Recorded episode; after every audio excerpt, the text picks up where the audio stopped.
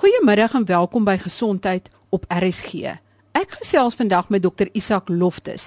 Hy's 'n forensiese patoloog en ook 'n histopatoloog by Pathcare op Somerset Wes. En hy is ook lid van die uitvoerende komitee van die nasionale patologie groep. Die onderwerp is alkohol en wat die liggaam met alkohol doen en wat alkohol aan die liggaam doen. Ons weet dat te veel alkohol kan 'n mens dronk maak, maar hoe werk dit? Dr Loftus, wat gereeld as forensiese patoloog in hofsaake getuig, gesels uit hierdie perspektief.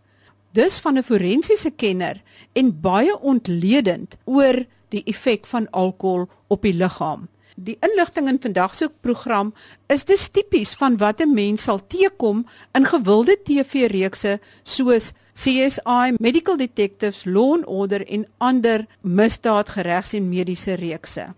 Dr Loftus, Voordat ons by die laboratorium en ontledende feite kom, kan jy vir ons dalk so 'n paar interessante agtergrondfeite oor alkohol verskaf. Soos waar die woord alkohol vandaan kom, waar daar in ou geskrifte na alkohol verwys word en ander interessanthede. Dankie Marie. Goeiemiddag luisteraars. Alkohol is waarskynlik een van die mees bekende substansies wat ons in ons huise het en wat oral oor gebruik word deur die mens. Ek dink egter nie dat ons besef altyd dat dit reeds vir meer as 'n paar eeue en millenniums 'n deel vorm van die mens en sy normale bestaan nie. Die woord alkohol is afkomstig vanaf die Arabiese woord alkool wat ook sy oorsprong neem van die Assiriese woord algol. Beide hierdie woorde verwys na die sogenaamde spiritualie of gees in alkohol. Nou interessantheidshalwe het alkohol vir baie jare die basiese stapelvoedsel van die mens gevorm, selfs voordat brood op die mark verskyn het. Vir meer as 10000 jaar was alkohol die belangrikste dorslesser van die mensdom vir mense van alle ouderdomme. Die rede daarvoor is dat water was dikwels nie geskik vir gebruik nie weens kontaminasie met menslike afval.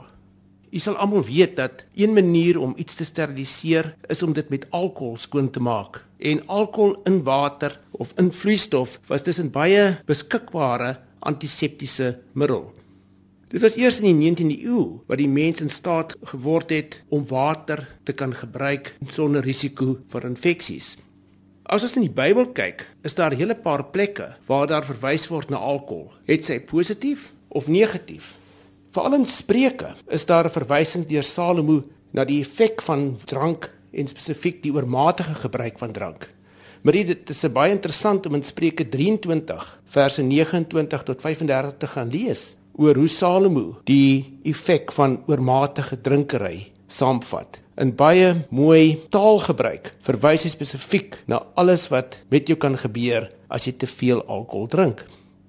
Net sodat daar geen misverstand onder ons luisteraars is nie. As ons nou praat van alkohol, is dit dan etielalkohol of hoe?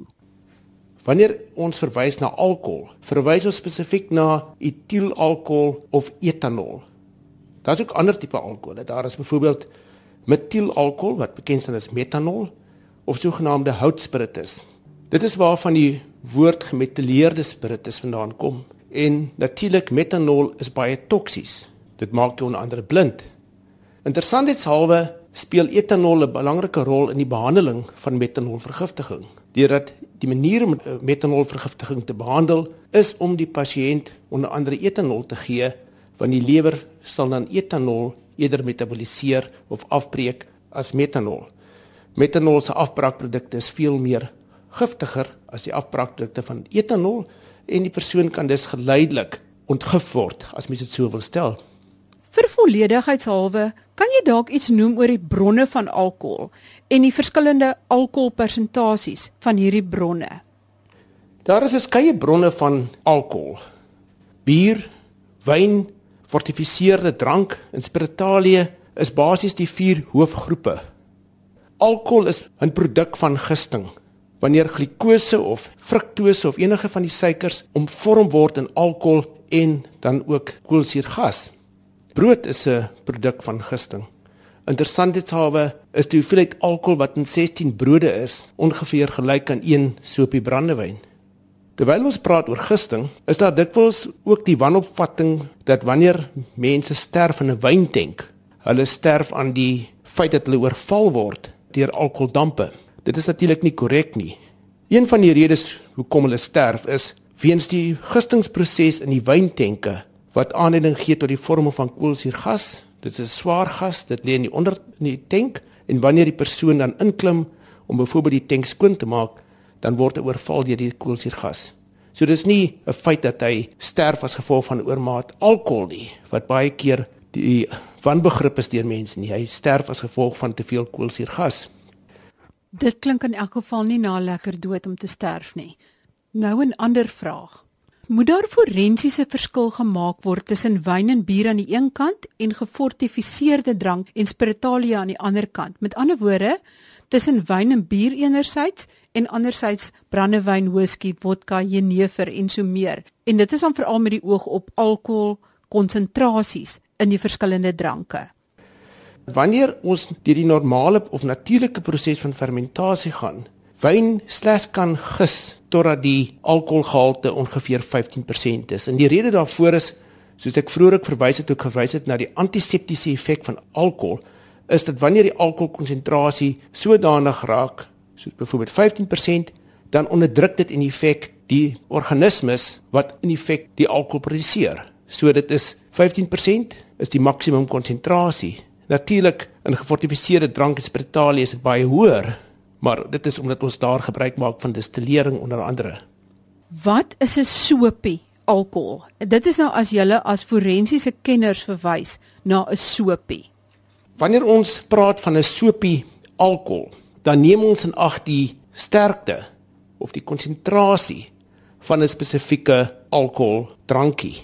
Byvoorbeeld 25 ml spiritualie is ongeveer gelyk in alkoholinhoud aan 150 ml wyn en 375 ml bier.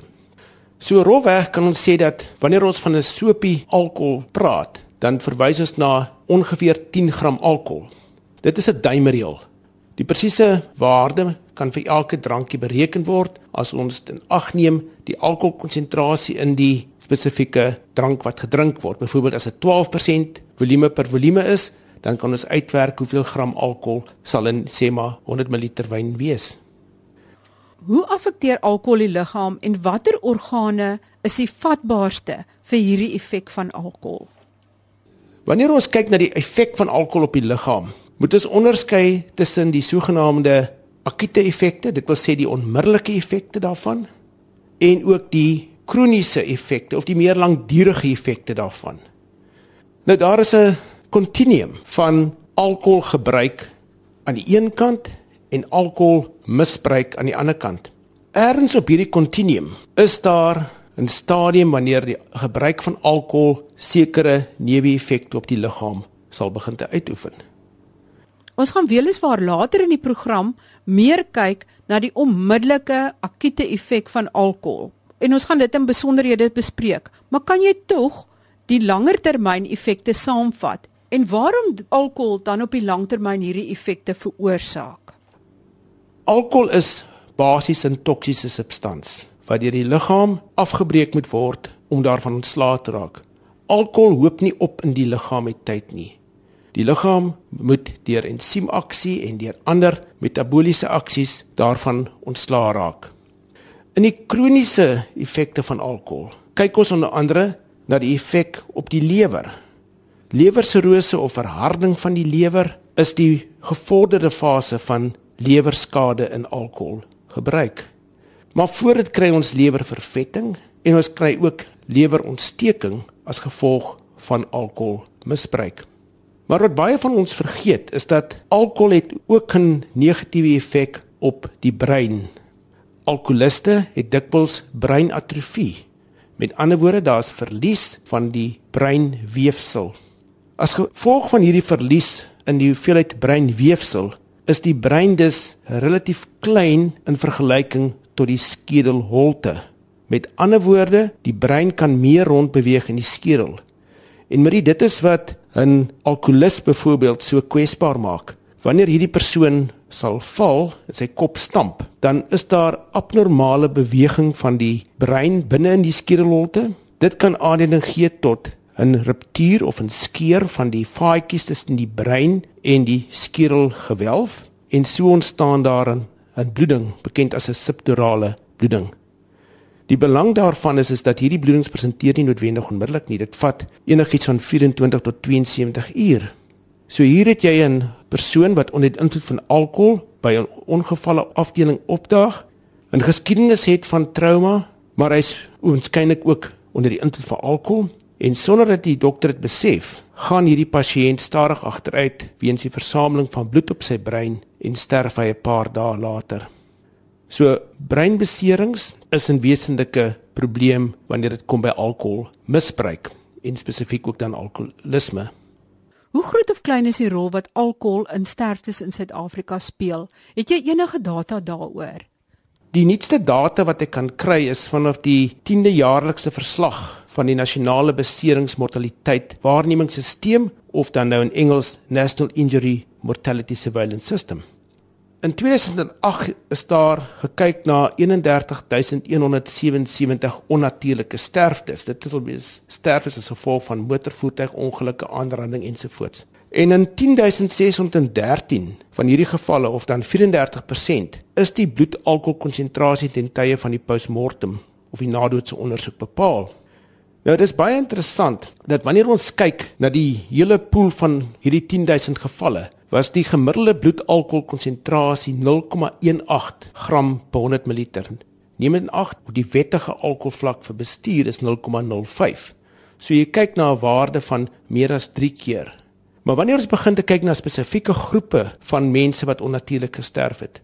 In die geval van geweld was die bloedalkoholvlak positief in 60,52% met 'n gemiddelde van 0,18.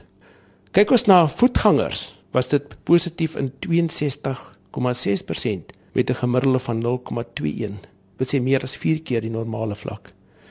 Maar wat skokkend is as ons kyk na bestuurders, was dit positief in 57,6% met 'n gemiddelde waarde van 0,17. Marie, dit is baie duidelik dat alkohol en spesifiek akute alkoholintoksikasie net so gevaarlik is soos die kroniese misbruik daarvan weens die duidelik verhoogde risiko dat 'n persoon onder die invloed van alkohol onnatuurlik kan sterf. Dokter Lofte is die effek op die brein, die inkrimping van die brein in mense wat nou op 'n langtermyn dit gebruik. Is daar 'n soort van ook so 'n tipe effek as jy dit net op korttermyn gebruik of nie? Ja, Marie, die ding van krimping van die brein is natuurlik 'n langdurige proses. Die brein kan nie net op kort termyn basis krimp nie. So dit word gesien by jou kroniese misbruik. Maar onthou net die brein is ook blootgestel aan akute intoksikasie met alkohol en veral die sogenaamde binge drinker. Die persoon wat letterlik oor 'n kort tydperk 'n groot hoeveelheid alkohol gebruik, In so 'n persoon is daar ook dikwels 'n verhoogde risiko van breinbloeding in die substans van die brein nie soos in alkoholis noodwendig op die oppervlakte nie. So die brein is nie vrygestel van akute intoksikasie nie. Terwyl ons praat oor sogenaamde binge drink patrone, wil ek net ook met die luisteraars dit deel dat 'n baie bekende risiko van sodanige drinkpatroon is die ontwikkeling van 'n toestand met naam van akute pankreatitis. Nou, in leuke term, die pankreas is die sogenaamde alvleisklier wat onder andere ensieme afskei ensovoorts om die voedsel te help verteer. Akute pankreatitis kom soms voor wanneer 'n persoon groot hoeveelhede alkohol inneem dit het 'n baie hoë mortaliteit want wat gebeur is dat die pankreas word gestimuleer tot so 'n mate dat dit in effek begin om homself te verteer en met verloop van tyd ook die res van die weefsel daar rondom. So akute pankreatitis, akute serebrale bloedings, behalwe die effek dat jy nog blootgestel is aan 'n hoë risiko vir trauma, is alles deel van die pakket van akute alkoholintoksikasie. Sjoe, dit is dan ook nou nie sake om meer te speel nie. Dit is nou die langer termyn effekte. Maar wat gebeur in die liggaam as jy op hierdie oomblik alkohol inneem? Wat is hierdie onmiddellike akute effekte? Marie in uh, wetenskaplike terme kyk ons altyd na farmakodinamika, met ander woorde wat die alkohol aan jou doen of enige middel aan jou doen versus die farmakokinetika, dit is wat jou liggaam aan alkohol of weer eens enige ander middel doen. Nou die farmakokinetika van alkohol sal dus byvoorbeeld kyk na dinge soos wat verhoog die absorpsie van alkohol. Hoe word alkohol afgebreek in die liggaam? Hoe word dit uitgeskei?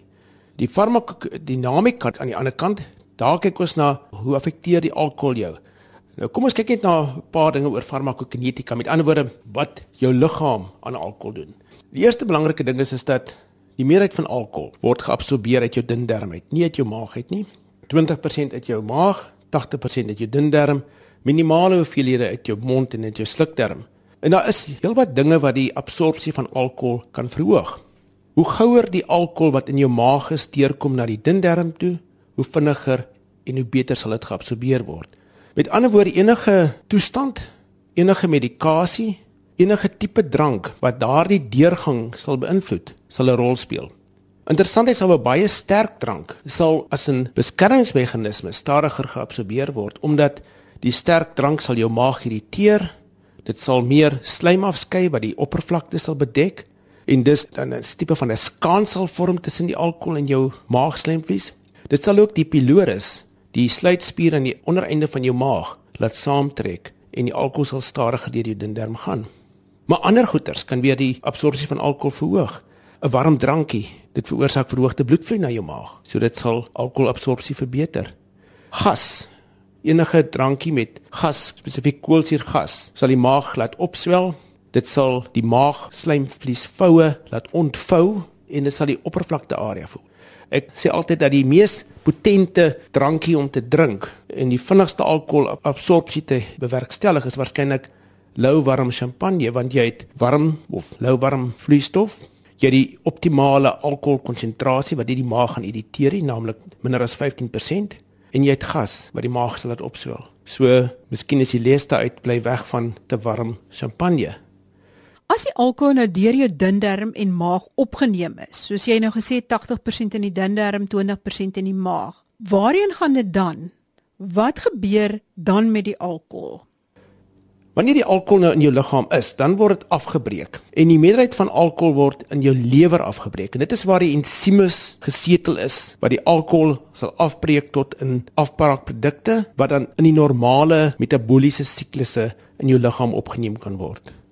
Die res van die alkohol word tot 'n groot mate onveranderd uitgeskei deur jou niere, deur jou long, dit vorm natuurlik die basis van asemalkohol toetse wanneer die polisie wil vasstel of iemand onder invloed van alkohol is en ook deur die vel. Die liggaam hoop nie alkohol op nie. So dit word afgebreek en die liggaam raak ontslae daarvan. Die tweede ding wat mens moet onthou is dat dit is soos 'n dam met een uitlaatpyp. Dit maak nie saak hoe vol daai dam is nie. Dit kan slegs deur 'n konstante tempo afgebreek word. En daar is bitter min dinge wat dit kan beïnvloed. Daar's baie boererate en leuke opinies deur as jy slaap of as jy baie koffie drink en of jy dit doen of dat doen, gaan jy daardie tempo van afbraak kan verander. Dis natuurlik totaal onwaar. Bitter min dinge kan daai tempo beïnvloed. Dan moet daar seker iets wees wat hierdie tempo van afbraak kan affekteer. Dit lyk dan of party mense wat gereeld drink, hulle drankie beter kan vat. Hoe werk dit dan? Wat dit wel beïnvloed is natuurlik of jy 'n geleentheidsdrinker is of jy 'n gewoonte drinker is, want 'n gewoonte drinker het gewoonlik ensimes wat geïndiseer is, met ander woorde daar's meer van hierdie ensimes, so hulle kan vinniger ontslae raak. Dis een van die redes hoekom 'n gewoonte drinker het dikwels toleransie, mate van verdraagsaamheid, omdat sy ensiemstelsels meer in staat is om hierdie alkohol te verwerk. Nou kom ons seker by die deel wat doen alkohol aan die liggaam? Wanneer ons kyk na farmakodinamika, kyk ons natuurlik nou na die effek van alkohol op die liggaam. Nou ek het reeds verwys na die verskil tussen geleentheidsdrinkers en gewoonte drinkers.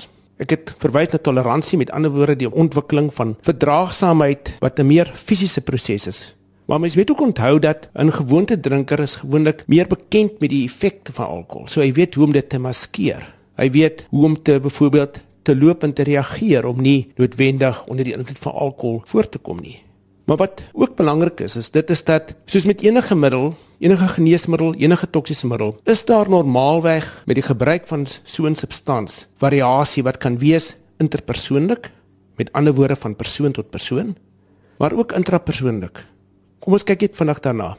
Interpersoonlike variasie beteken dat Wanneer jy twee individue vat en jy gee hulle dieselfde hoeveelheid alkohol, sal hulle alkoholvlakke nie noodwendig dieselfde wees nie en bykomend sal hulle respons, hulle kliniese respons nie dieselfde wees nie. So dit is wat ons noem interpersoonlike variasie. Intrapersoonlike variasie is waar jou respons ten opsigte van 'n middel van dag tot dag kan verskil. En dit kan wees omdat jy vandag miskien 'n bietjie moer is, jou maag is miskien leeg, jy dalk ander medikasie geneem en skielik is jou respons nie heeltemal dieselfde as wat dit 'n week tevore was nie. Wat is die belang hiervan vir ons? Dit is die rede hoekom wanneer jy begin met nuwe medikasie vir watter rede ook al, mens versigtig moet wees met die gebruik van alkohol omdat die ou respons waaraan jy gewoond is, nie noodwendig dieselfde gaan wees nou dat jy 'n nuwe middel drink nie. Iets wat mens altyd 'n gedagte moet hou. 'n Verdere aspek van interpersoonlike variasie is natuurlik ook op grond van die ensieme wat ons het in die maag sowel as ook in die lewer. Nou ek weet 'n paar interessanthede weer eens deel met julle. Een van die ensieme wat in die maag voorkom, is alkoholdehidrogenase. Dit breek alkohol af. Dis die eerste stap in die alkoholafbraakproses. Die hoeveelheid alkoholdehidrogenase ensiem wissel. Vrouens het waarskynlik 'n laer dosering, verlaar inhoud daarvan. Ook sekere Japaneese rasse ensovoorts het laer vlakke van alkoholdehidrogenase.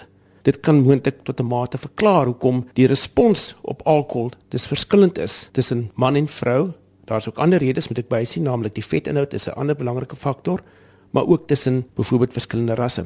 En dan is daar 'n tweede ensiem wat betrokke is en dit is sogenaamde aldehied dehidrogenase, spesifiek aldehied dehidrogenase 2. Nou hierdie ensiem breek asetaldehied af na asetaat. Dit is die tweede proses wat met plaasvind. Nou, 'n verlaagde vlak van hierdie spesifieke ensiem sal aanleiding gee daartoe dat daar hoër vlakke is van asetaldehied en dit veroorsaak dat die persoon 'n blosende voorkoms aanneem. En omdat dit beskryf is as laer vlakke in van die Asiatiese bevolking, staan dit dikwels bekend ook as 'n sogenaamde Asiatiese blos of gloei. Uh hierdie persoon het dan ook 'n hoër risiko vir onder andere slukterm of esophagus karsinoom. En soos jy verduidelik het, is dit dan juis hierdie hoë vlakke van asetaldehied wat die gif is wat jou hoofpyn gee, wat jou brein en ander organe aantas. Dokter Loftus, ek het al gehoor forensiese patoloog praat van die Mellanby effek. Wat is dit? Nou die Mellanby effek is iets wat ons later weer by gaan stil staan en dit is dat die kliniese respons terwyl die alkoholvlak in die liggaam besig is om te styg is meer uitgesproke as wat dit sal wees as die alkoholvlak besig is om te daal by die geselfde vlak. Met ander woorde, as ek besig is om alkohol te gebruik en dan dronker te word, en my alkoholvlak is nou 0,1, dan gaan ek meer onder die invloed vertoon as wanneer ek nou ophou drink en my alkoholvlak daal nou weer verby 0,1. En dit is as gevolg van die akute ontwikkeling van toleransie, met ander woorde verdraagsaamheid van die liggaam, amper asof die neurone, die brein se senuweeselle hulle self reset. So van intoleransie gepraat.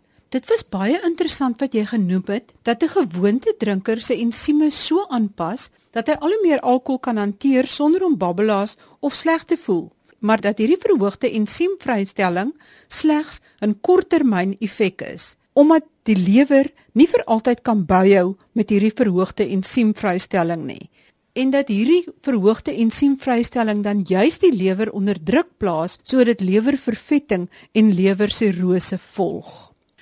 Maar oor na 'n ander vraag. Wat is die effek van alkohol tydens akute intoksikasie? Met ander woorde, hoe werk dit dat alkohol jou dronk maak? En hoe presies gebeur dit? Wat gebeur in die brein of hoe gebeur dit? Mense glo dikwels dat alkohol is 'n stimulant. Met ander woorde, wanneer jy alkohol drink, dis wanneer almal begin te gesels en almal sosiaal verkeer en joviaal is. Dis natuurlik nie korrek nie. Alkohol is 'n onderdrukkende middel.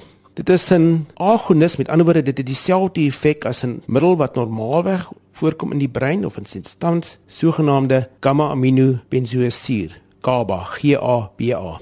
En wat alkohol doen is dat dit het 'n onderdrukkende effek op die brein en dit begin gewoonlik om die hoër kortikale funksies te onderdruk. Wanneer jy hierdie funksies wegneem, dan kry jy 'n valse gevoel van stimulasie, want jy ontsnap nou aan die onderdrukkende effek van jou hoër kortikale neurone. In hierdie effek op die brein is amper soos 'n golf of 'n brander wat van voor af oor jou kop spoel. Die brein het verskillende lobbe. Voorste lob staan bekend as die frontale lob en dan bietjie meer na agter het ons die temporale lob, net hier bo kan die slaap en die parietale lob. En heel agter het ons die oksipitale lob. Soos ons weet, die van ons wat biologie gehad het, die brein rus op die breinstam en die agterbrein of die kleinbrein, die cerebellum. En die golf van alkohol tas ook mettertyd hierdie strukture aan. En dit is soos hierdie golf oor jou dan spoel wat jy verskillende manifestasies het van alkoholintoksikasie afhangende van watter deel van die brein aangetast is. So vinnig kom ons aan aan die einde van hierdie program, maar dit is die eerste een in 'n reeks oor alkohol en spesifiek 'n kykie na alkohol deur die oë van 'n forensiese patoloog. Moenie volgende week se program misloop nie. Dan kyk ons na hoe hierdie golf van alkohol oor jou brein spoel, by presies watter bloedalkoholvlakke wat gebeur en hoe die verskillende fases van dronkenskap lyk. Ons kyk ook na baie ander interessanthede van alkohol, alkoholgebruik, babbelaars, middels wat 'n effek het en so meer. So moet die volgende week se program misloop nie. Dit is waarlik baie interessante inligting. Tot volgende week dan. Totsiens.